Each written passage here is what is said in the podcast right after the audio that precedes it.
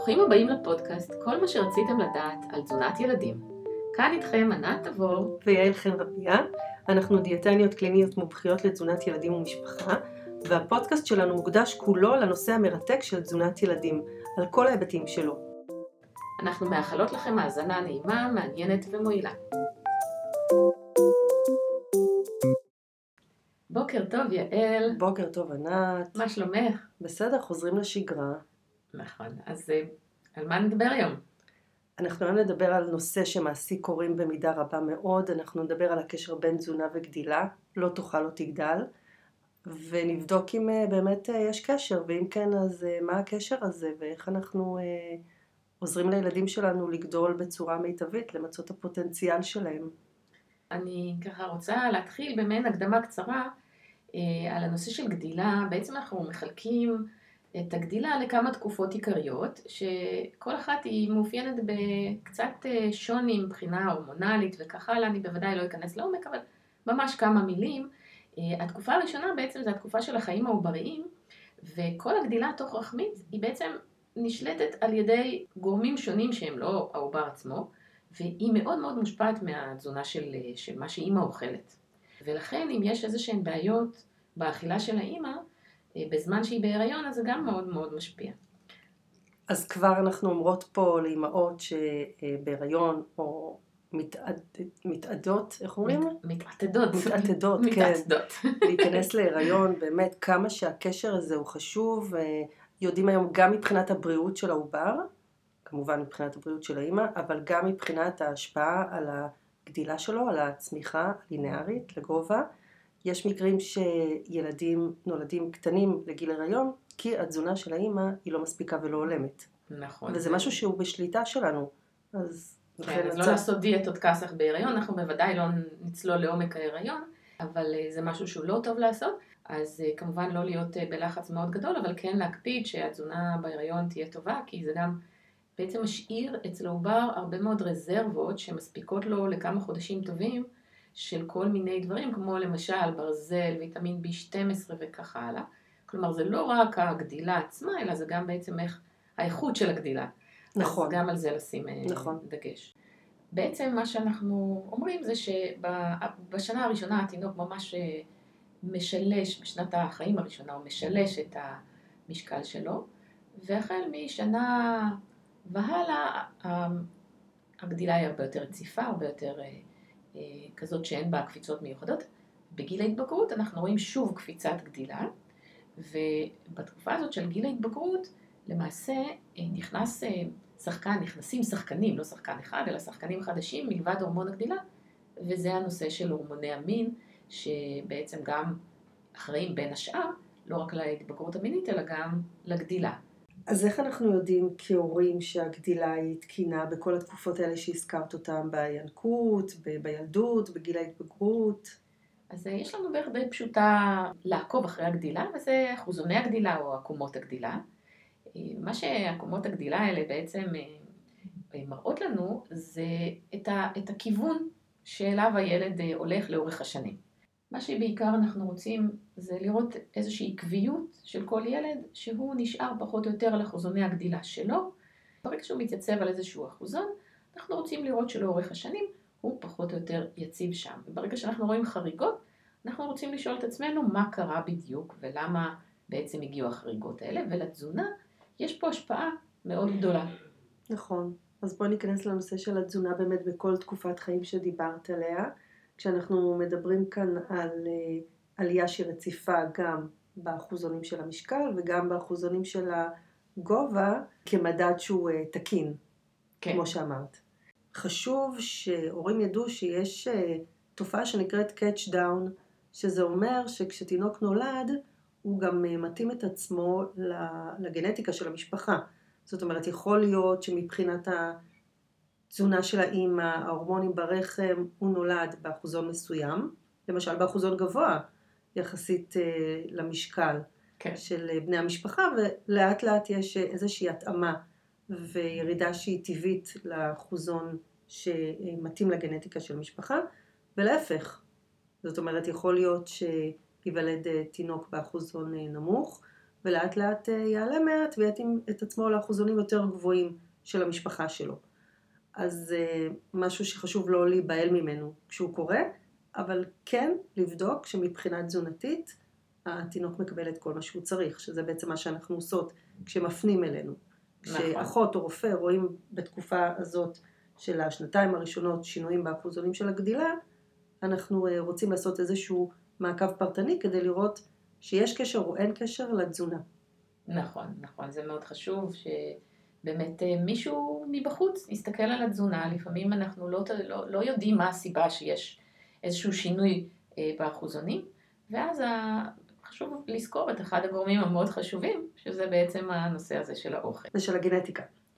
כן, בהשוואה לגנטיקה, כן, כי הרבה פעמים אנחנו, נכון, אפשר אה, לראות אה, הורים שנורא מודאגים ממה שקראת לו בעצם catch down, כן, שהילד אה, פתאום יורד קצת באחוזונים, ולמעשה כל הסיפור זה שאי אפשר לצפות ממשפחה שכולם אה, בגובה שם אה, מטר שישים וקצת, שהילד פתאום יהיה ענק. ואגב, זה גם להפך. זה יכול להיות שבעצם אה, הורים גבוהים ואחים גבוהים, אנחנו פתאום רואים שילד לא מקבל את הגנטיקה המשפחתית הזאת. כולם גבוהים במשפחה, והילד לא צומח כל כך יפה, או אפילו אם הוא לא שבר את אחוזוני הגדילה מגיל צעיר יחסית, אבל הוא לגמרי לא מתאים לגנטיקה המשפחתית, גם שם אנחנו היינו רוצים לראות מה בדיוק קרה. לפעמים זה איזושהי נורה אדומה שנדלקת בעקבות, למשל, דוגמה טובה זה צליאק. לפעמים מתחיל צליאק, ואין לו שום סימפטומים, אנחנו לא רואים כלום, הכל לכאורה תקין, אבל באיזשה, באיזשהו שלב ההורים קולטים שהילד לא גדל בדיוק כמו האחים שלו. והאחים שלו בגיל הזה היו הרבה יותר גבוהים, ובאופן כללי האחים שלו יותר גבוהים, וגם המשפחה גבוהה, והילד לא. ואז הולכים, בודקים, ופתאום עשויים לגלות כל מיני דברים, כמו למשל צליאק, או דברים שלא ניכנס יותר מדי למחלות, אבל כן, משהו שם לא עובד תקין, הספיגה של האוכל לא מתבצעת כראוי, כל אותם רכיבי מזון שאמורים להיכנס לגוף, אפילו שאוכלים לפעמים טוב, לא נכנסים טוב לגוף, ואז אנחנו עלולים לראות את הפגיעה בגדילה. יכול להיות שגם אה, הורים יראו שהפעוט שלהם נמוך יותר מאשר הילדים בגן, וילכו לבדוק את זה, ומה שיראו שם זה שהילד בריא, אין לו צליאק, הכל תקין, והוא עולה באופן אה, קבוע על אותו אחוזון של גובה שהוא לא כמו כל בני המשפחה, הוא שונה, כולם גבוהים, הוא פחות, וזה עדיין תקין. כן. זאת אומרת, כן, זה יכול להיות... יכול להיות, רק צריך לבדוק את זה, זה בדיוק העניין. בכל התקופות שדיברת עליהן, תקופות הגדילה, אני חושבת שהדבר הראשון שחשוב הוא אספקה של אה, אנרגיה. זאת אומרת שגם כשבדקו איכות של תזונה מול כמות בכל מיני אוכלוסיות שהן נכשלות במדינות אה, מתפתחות, ראו שכשמספקים מספיק אנרגיה זה תומך בגדילה. כלומר שאנחנו צריכים קודם כל שיהיו מספיק קלוריות לגוף. זה עדיין לא אומר שהגדילה תהיה אופטימלית, אבל זה אומר שכשיש מספיק קלוריות, הצמיחה לגובה יכולה להתרחש. וכשאין מספיק קלוריות ואין מספיק אספקת אנרגיה, אנחנו רואים האטה בקצב של הצמיחה לגובה, ורואים את זה יפה מאוד בגיל ההתבגרות, נכון? כשמגיעות אה, מתבגרים ומתבגרות שהתזונה שלהם לקויה מכל מיני סיבות, אם זה התחלה של הפרעת אכילה, או הפרעת אכילה, או איזושהי דיאטה, או עיסוק מאוד מאוד אינטנסיבי בספורט, יש ירידה באחוזונים של המשקל, ומיד אחר כך מופיעה גם ירידה באחוזונים של הגובה. נכון, זה קורה, אה, רואים את זה בצורה מאוד, אה, מאוד בולטת בגיל ההתבגרות.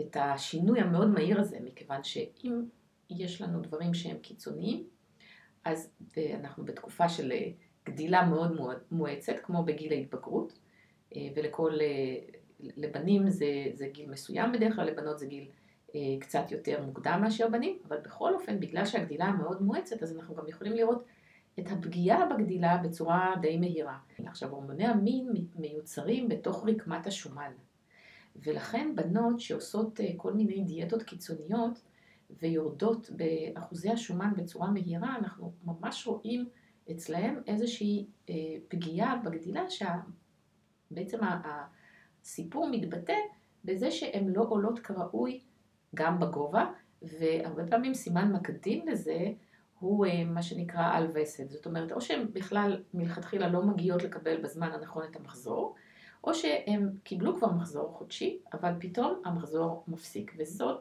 אחת הנורות האדומות המאוד מאוד בולטות לחוסר אנרגיה אצל בנות. כמובן שיכולות להיות עוד סיבות, אבל זאת סיבה מאוד מרכזית שאנחנו, נכון, נתקלות בה לא מעט, ושם ישר באמת לרוץ ולבדוק מה קורה עם התזונה.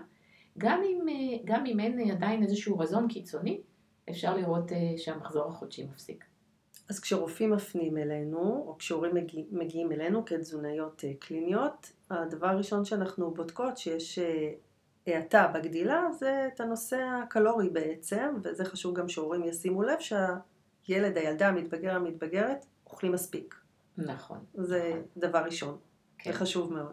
כן, וכמובן, אה, כמובן שזה לא רק בגיל ההתבגרות, כן, הלכנו קצת רחוק בגיל, אבל גם בגיל צעיר אנחנו בכל יכולים... גיל. אה, כן, אנחנו... בכל גיל זה השפעה של אה, מחסור קלורי, יש לה השפעה ישירה נכון, על הצמיחה לגובה. נכון. זה ולכ... מאוד פשוט. כן, ולכן גם דיאטות אצל ילדים זה דבר כל כך מסוכן.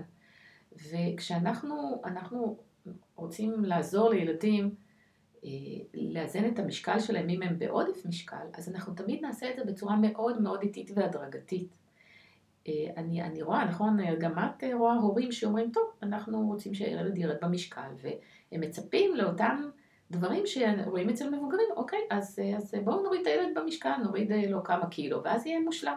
למעשה הסכנה בזה זה שאנחנו נראה בדיוק את אותם מחסורים שדיברנו עליהם, ו, וזה לא רק בגובה, אלא, אלא באופן כללי פגיעה בגדילה. פשוט בגובה אנחנו יכולים לראות את זה ולמדוד את זה, או במשקל אנחנו יכולים למדוד את זה.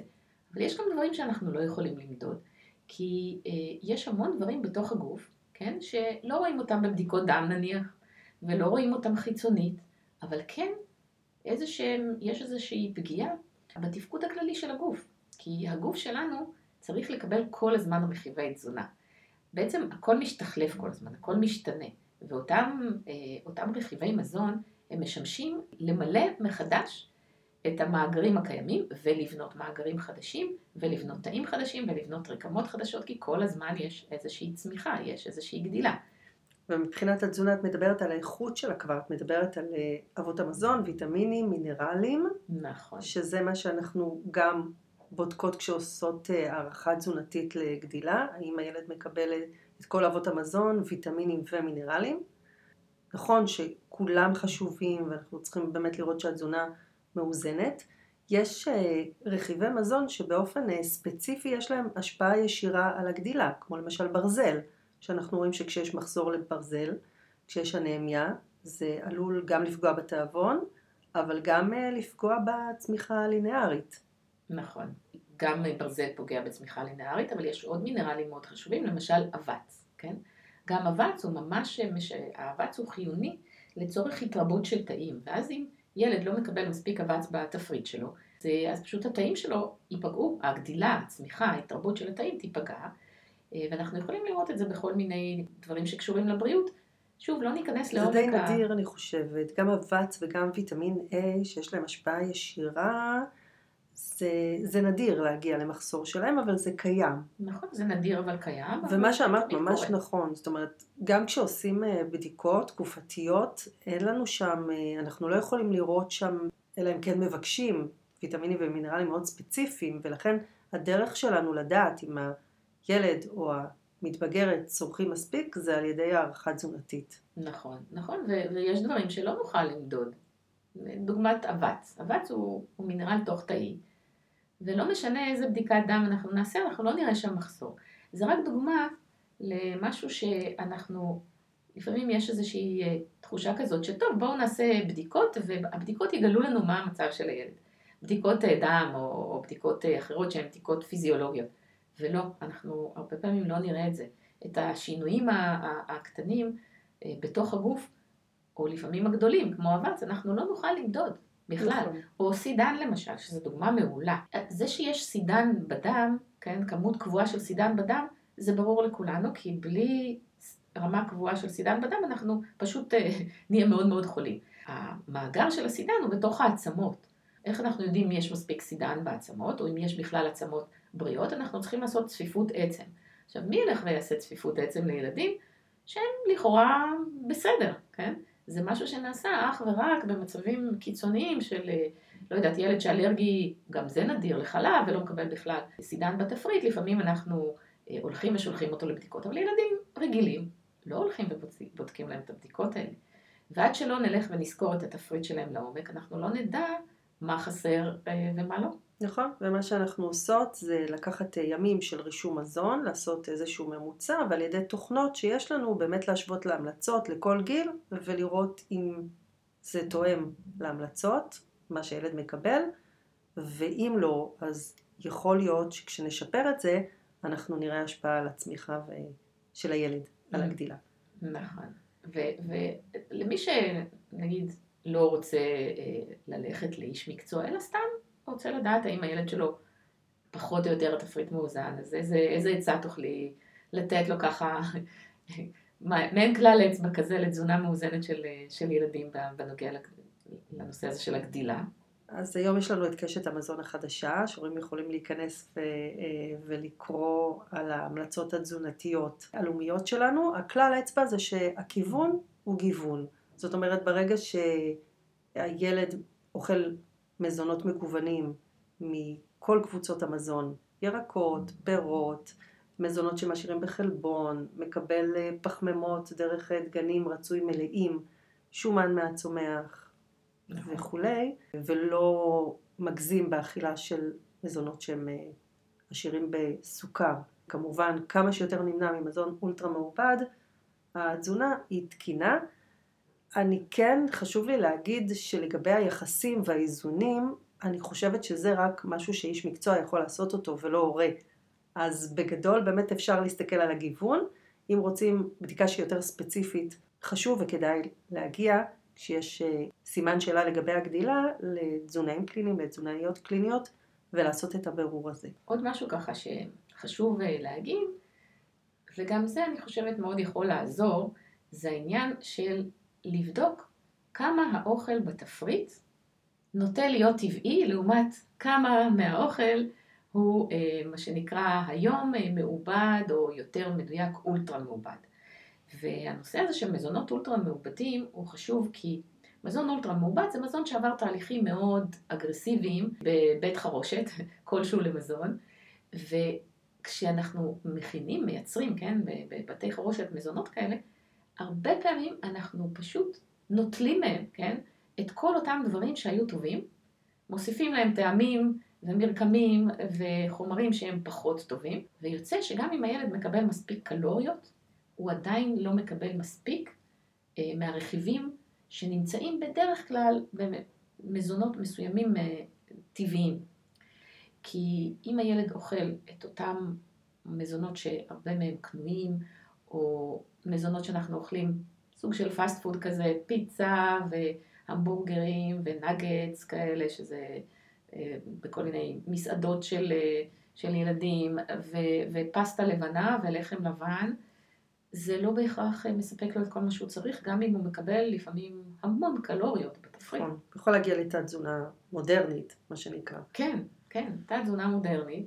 בואי תספרי לנו רגע, מה זה תת תזונה מודרנית?